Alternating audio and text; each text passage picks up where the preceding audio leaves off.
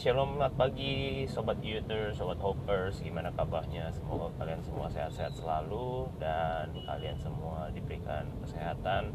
Hari ini hari Senin guys. Sudah mulai aktivitas kembali ya. Dan rasa-rasanya kalau hujan uh, Mendung-mendung gitu ya Cuaca itu mendukung banget ya. Buat kita tuh kayaknya pengen uh, Ngerasanya uh, gravitasi di tempat tidur itu jauh lebih berat banget gitu ya untuk bangun. Ya mungkin sobat hoppers yang mengalami gitu ya sama kayak saya gitu ya mungkin sama ya. Ini jujur orang jujur katanya masuk surga haleluya. Nah hari ini juga saya mau menyapa untuk setiap teman-teman yang baru bergabung di channel saya di podcast saya. Thank you so much guys. Kalian bisa jadi hoppers family by clicking the button of subscribing or favorite ya. Just click the button kalian bisa terima free update kalau saya ada podcast-podcast baru tentunya. Nah hari ini kita belajar tentang sebuah kebenaran yang diambil dari uh, Alkitab, uh, sebuah cerita di dalam bilan pasal yang ke-13 tentang uh, 12 orang pengintai. Nah, 12 orang pengintai ini mungkin kita udah sering ya mendengar gitu ya. 12 pengintai ini adalah uh, sebuah cerita ketika uh, Tuhan menyuruh Musa untuk uh, mengamati ya mengamati negeri Kanaan negeri yang dijanjikan Tuhan kepada bangsa Israel melalui Musa. Dan singkat cerita Tuhan minta Musa untuk mengirimkan uh, juga utusan-utusan ya dari setiap bangsa Israel itu satu satu orang untuk melihat ngintip ya ngintip atau mengamati uh, spies gitu ya mengamati ngintip dan melihat seperti apa sih negeri yang di dalam itu singkat cerita setiap satu bangsa uh, satu suku Israel dikirimlah satu pemimpin dan mewakili 12 suku Israel itu 12 ini masuk ke negeri Kanaan. Nah, mereka menghabiskan waktu 40 hari mengamat-amati ya mereka melihat dan mereka memperhatikan serta uh, mengambil hasil dari apa yang mereka amatin. Nah, setelah lewat 40 hari mereka kembali ke Musa dan bercerita gitu sama Musa tentang ini. Nah yang menariknya saudara-saudara di ayat 14 di bagian yang terakhir 30 ayat 30 5 eh, sampai 38 tapi saya tidak baca semuanya. Saya baca aja yang ayat ke-36 ya, mulai dari 36. Adapun orang-orang yang telah disuruh Musa untuk mengintai negeri itu yang sudah pulang dan menyebabkan segenap umat itu bersungguh-sungguh kepada Musa dengan menyampaikan kabar busuk tentang negeri itu, orang-orang itu mati karena tulah di hadapan Tuhan dan tetapi yang tinggal hidup dari orang-orang yang telah pergi mengintai negeri itu hanyalah Yosua bin Nun dan Kaleb bin Yefune. Artinya cuma dua orang guys dari total 12. Nah, 10 orang ini kenapa? 10 orang ini gagal masuk ke negeri Kanaan, 10 orang ini mati di tengah jalan. Nah, saya mau sharing hari ini tentang uh, saya berikan judul sebuah perenungan pada kita semua tentang pembunuh impian terbesar. Nah, pembunuh impian terbesar itu apa sih? Seringkali orang percaya itu diberikan sebuah mimpi, sebuah impian, sebuah cita-cita, sebuah kerinduan Tuhan di dalam kehidupannya melalui apa? Melalui janji firman-Nya. Nah, tetapi banyak orang percaya itu gagal sampai ke sana, bahkan mati di tengah perjalanan. Sama seperti 10 orang ini, sudah ngeliat tapi tidak menikmati, sayang banget gitu ya. Nah, sebenarnya pembunuh impian yang terbesar itu apa? Mari kita lihat di dalam bilangan pasal 13 kembali lagi bilangan pasal 13 ayat yang ke-31 ini ada pembunuh impian yang pertama. Dikatakan di dalam firman tetapi orang-orang yang pergi ke sana bersama-sama dengan dia berkata ini 10 orang pengintai ini berkata begini kita tidak dapat maju menyerang bangsa itu karena mereka lebih kuat daripada kita. Guys bawahi ada kata-kata karena mereka lebih kuat daripada kita.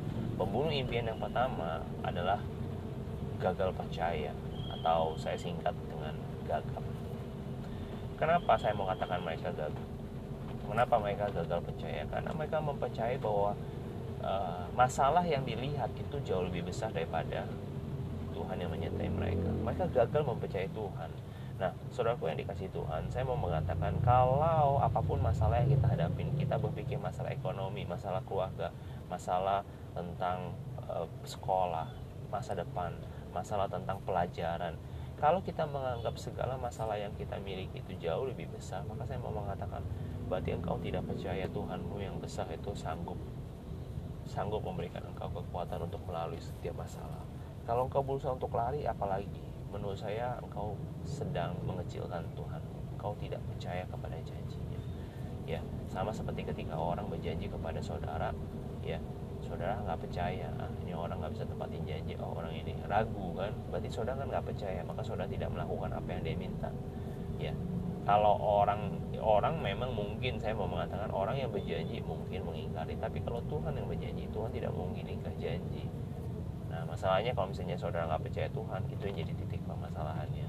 Apa yang dikatakan firman untuk saudara ya bisa tergenapin atau tidak itu tergantung kita uh, percaya atau nggak percaya. Kalau kita percaya tetap firman saya percaya firman Tuhan itu ya dan amin. Dia pasti akan digenapi melalui waktunya Tuhan. Ya jangan jangan kita mengatakan bahwa ah oh, masalah saya lebih kuat masalah saya lebih besar daripada Tuhan. Nanti saudara mengatakan bahwa Tuhan saudara itu kecil saudara tidak percaya kepada dia. Oke okay, kita next yang kedua pembunuh impian yang kedua adalah di ayat yang ke-32 selanjutnya saya bacain juga ya. Juga mereka menyampaikan kepada orang Israel kabar busuk tentang negeri yang diintai mereka dengan berkata negeri yang telah kami lalui itu untuk diintai dan suatu negeri yang memakan penduduknya. Nah, dan selanjutnya selanjutnya saudara-saudara bisa lihat dan baca saya baca cuma sebagian sebagian aja sebab sepotong penyakit yang kedua atau pembunuh impian yang nomor dua ya potensi pembunuh impian yang kedua yang terbesar adalah gak mudeng firman Tuhan. Gak mudeng itu bukannya gak mengerti tetapi gak mau dengar firman Tuhan banyak orang percaya itu sedikit sekali punya sebuah kerinduan untuk membuka firman, membaca firman. Ya, mereka hanya membuka firman pada saat mereka ke gereja. Mereka hanya membuka Alkitab, baca ayat Alkitab, baca firman itu hanya seminggu sekali. Saudara bisa bayangin, ya padahal kehidupan itu seperti layaknya kita makan firman itu Tuhan itu kan itu kan ya, ibaratnya seperti makanan rohani. Saudara bisa bayangin kalau saudara makan seminggu sekali uh, satu harinya juga cuma cuma dua jam doang udah makan ya ya apa yang terjadi sama saya percaya saudara itu akan kurus saudara akan apa. Nah sama saudara-saudara. Rohani pun juga sama. Rohani harus diberi makan rohani harus diberi minum. Nah kalau kita uh, malas membaca firman maka saya mau kasih tahu bahwa hidup kita itu kosong dan kering gitu ya terhadap uh, terhadap firman nah salah satu hal yang membuat kita itu khawatir, takut itu karena kenapa? Karena hidup kita tidak diisi firman, hidup kita tidak membaca firman, tidak menenungkan firman. Apalagi kalau kita hidup di tengah-tengah dunia ini yang penuh dengan banyak berita-berita setiap hari diupdate ya, bisa dari internet, dari YouTube, ya dari dari konten-konten banyak sekali dari televisi, radio, banyak sekali berita-berita yang setiap hari kalau saudara lihat banyak berita-berita negatif, banyak berita-berita yang bencana alam, banyak berita-berita tentang musibah, longsor dan lain sebagainya. Itu berita-berita yang mengerikan sekali, saudara-saudara. Kalau kita lihat pantau hari-hari demi hari, dunia ini tuh semakin semakin ngeri, saudara-saudara. Semakin banyak hal-hal yang terjadi, semakin banyak sesuatu yang terjadi, ya tanda-tanda akhir zaman, ya orang sudah tidak punya kasih, ya orang tega membunuh uh, keluarganya sendiri, ayah bunuh anak, anak bunuh ayah, uh, bunuh ibu, orang tua. Jadi kalau kita melihat bahwa kalau kita membaca dan kita hanya mendengarkan apa yang diberitakan dunia, maka kehidupan kita itu tidak terbangun imannya. Nah, saya mau kasih tahu, iman, uh, Tuhan berkata di dalam Roma 10 17, iman timbul hanya dari pendengaran, pendengaran akan firman Kristus, firman Tuhan. Jadi kalau saudara baca firman dan mendengarkan firman, saya percaya iman saudara timbul. Kalau iman timbul, kalau iman itu bertumbuh, kalau iman itu berakar dengan kuat di dalam kehidupan saudara, maka ketakutan itu tidak bisa lagi menguasai saudara. Ketakutan atau kekhawatiran tidak ada lagi tempat untuk bercokol di dalam kehidupan saudara. Karena kenapa? Karena saudara ada iman. Nah iman itu dari mana? Iman itu timbul cuman kalau dari saudara baca firman. Itu aja. Dan firman Tuhan jelas berkata iman timbul hanya dari pendengaran, pendengaran akan firman Tuhan. Iman tidak timbul dari saudara mendengar kesaksian. Iman tidak timbul dari saudara banyak-banyak, cuman banyak-banyak apa ya? Banyak-banyak ke gereja. Datang ke gereja belum tentu. Mana itu timbul. Tapi kalau saudara membaca firman, merenungkan firman, maka saya percaya kehidupanmu kehidupan saya iman kita semua bertumbuh. Kalau iman bertumbuh dengan sehat dengan baik saya mau percaya ketakutan. Dan kekhawatiran tidak bisa lagi mencopot kalau kita percaya bahwa kita punya impian kita pasti berhasil.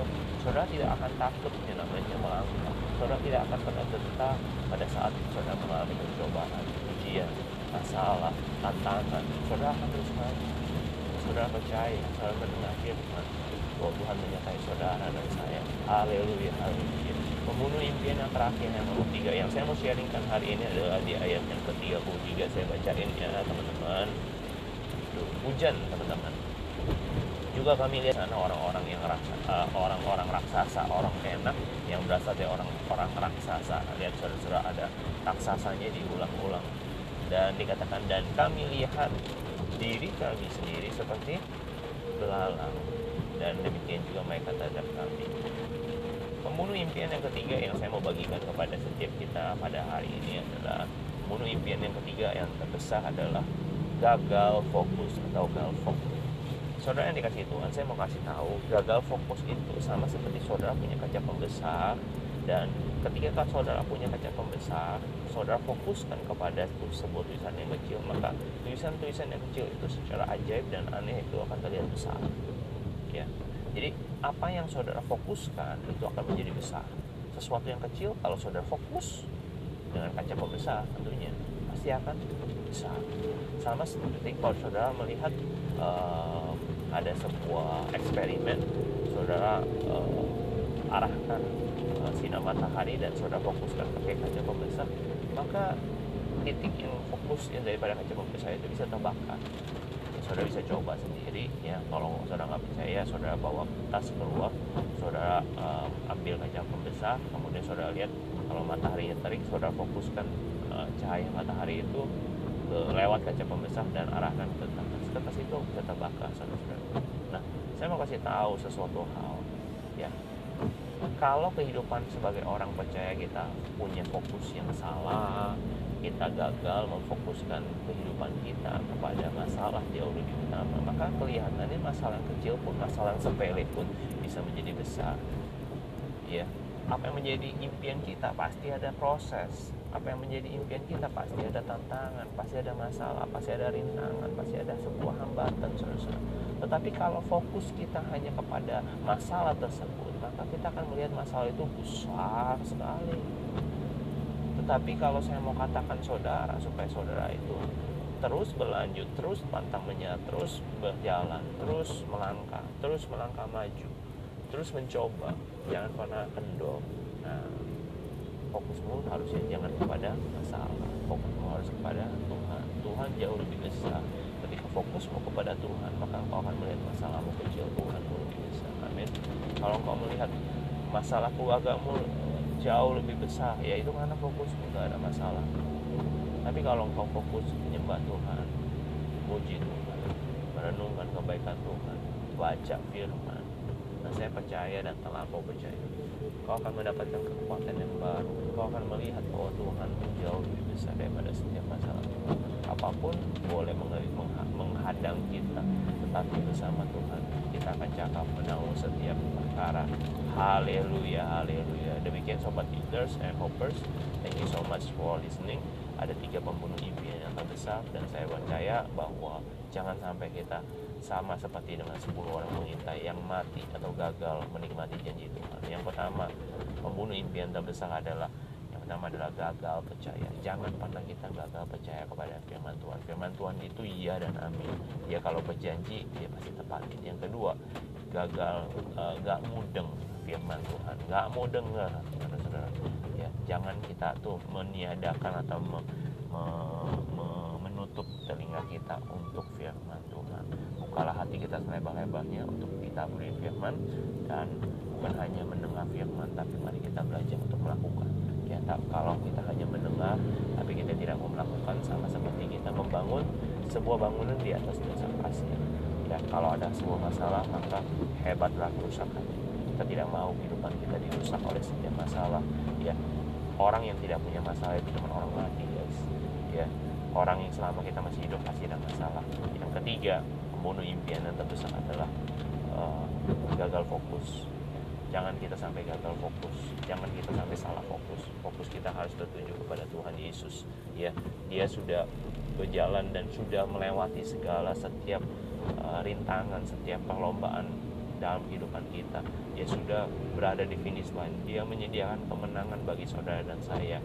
Yang penting tetap percaya tetap melangkah tetap mencoba. Jangan pernah menyerah. Jangan pernah katakan I quit first. Ya selama saudara berjalan masih ada kemungkinan saudara akan mendapatkan kemenangan. Amin. Amin. Ya puji Tuhan. Kiranya Tuhan Yesus memberkati kita semua dan semoga semua sobat hoppers dan youters semua dalam keadaan sehat selalu. Jaga kesehatan dan keep positive keep charming and stay blessed. See you in the next episode and God bless you 拜拜。